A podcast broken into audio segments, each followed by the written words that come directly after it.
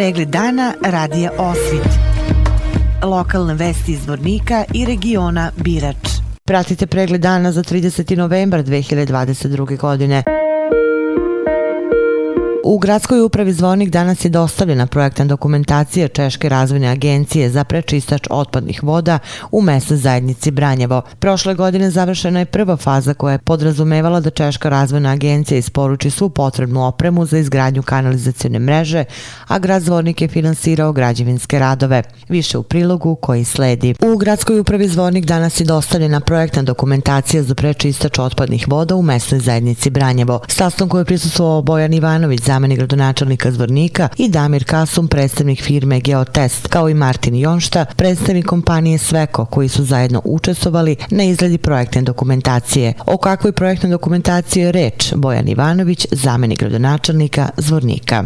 Reč o projektnoj dokumentaciji e, izgradnja prečistača otpadnih voda u mjesnoj zajednici e, Vranjova. Čisto e, retrospektive neke e, 2020. godine, sredinom 2020. godine grad Zvornik je sa Češkom razvojnom agencijom potpisao sporazum o realizaciji projekta projekta izgradnja kanalizacione mreže i prečistača otpadnih voda u mjesnoj zajednici. Braljevo bile su predviđene dvije faze. Prva faza je podrazumijevala izgradnju kanalizacione mreže, a druga faza je izgradnju prečistača otpadnih voda. Kao što znate, prošle godine završena je prva faza koja je podrazumijevala da Češka razvojna agencija isporuči svu potrebnu opremu za izgradnju kanalizacione mreže, a grad Zvornik je finansirao građevinske radove. Evo sada smo došli pred, da kažemo, tu drugu fazu koja će se odvijati, da kažemo, identično kao i prva u zavisnosti znači, od financijskih sredstava. Svi znamo kakva, je, kakva je situacija. Donijeće se odluka kada se stupa u realizaciju druge faze koja također podrazumijeva da Češka razvojna agencija isporuči svu potrebnu opremu, a grad Zvornik iz budžeta finansira postavljanje, izgradnju te opreme. Evo, i ovu priliku koristim da se zahvalim Češkoj vladi i Češkoj razvojnoj agenciji što su odabrali grad Zvornik, konkretno mjesto zajednicu Branje da realizuje ovaj projekat. Damir Kasum, predstavnik firme Geotest koja je učestvovala u izgradnji projektne dokumentacije za prečistač otpadnih voda u mesec zajednici Branjevo, rekao je da je u narednom periodu radit će se određene ekonomske kalkulacije i na osnovu toga, krajem februara i početkom marta, bit će odlučeno kako će se dalje postupati sa ovim projektom. Kasum je još dodao. Mi bih htjeli ovim putem da zahvalimo Češkoj razvojnoj agenciji, odnosno programu Češke vlade industrialne razvojne saradnje Republike Češke sa Bosnom i Hercegovinom, koja je financirala financirala izradu a, projektne dokumentacije za prečistač otpadnih voda u Branjevu.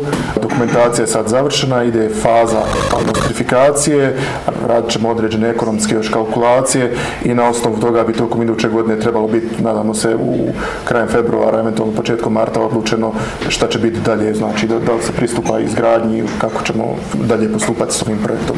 U svakom slučaju dokumentacija je spremna, tako da možemo u jednom vrlo, vrlo dobrom roku vremena парламентському можемо да приступити даним активно сторонам проекту. Branislav Trišić, dosadašnji zamjenik načelnika opštine Bratunac, preuzeo je dužnost prvog čoveka ove opštine od bivšeg načelnika Srđana Rankića.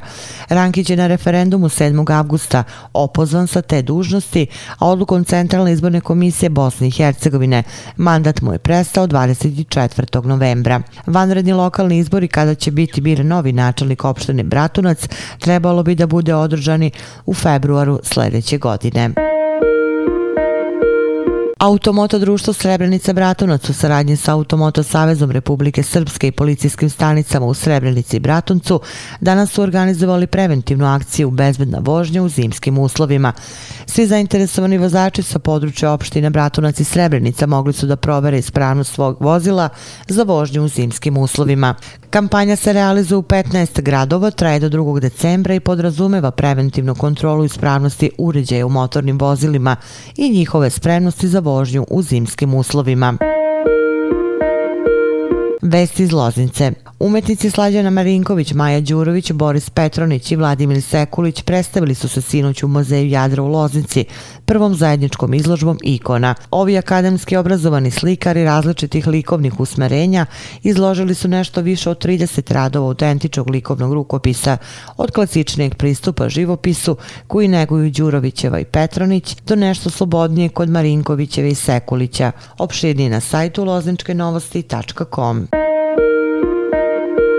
Pratili ste pregled dana za 30. novembar 2022. godine. Hvala na pažnje. Pregled dana radija Osvit. Lokalne vesti iz Vornika i regiona Birač.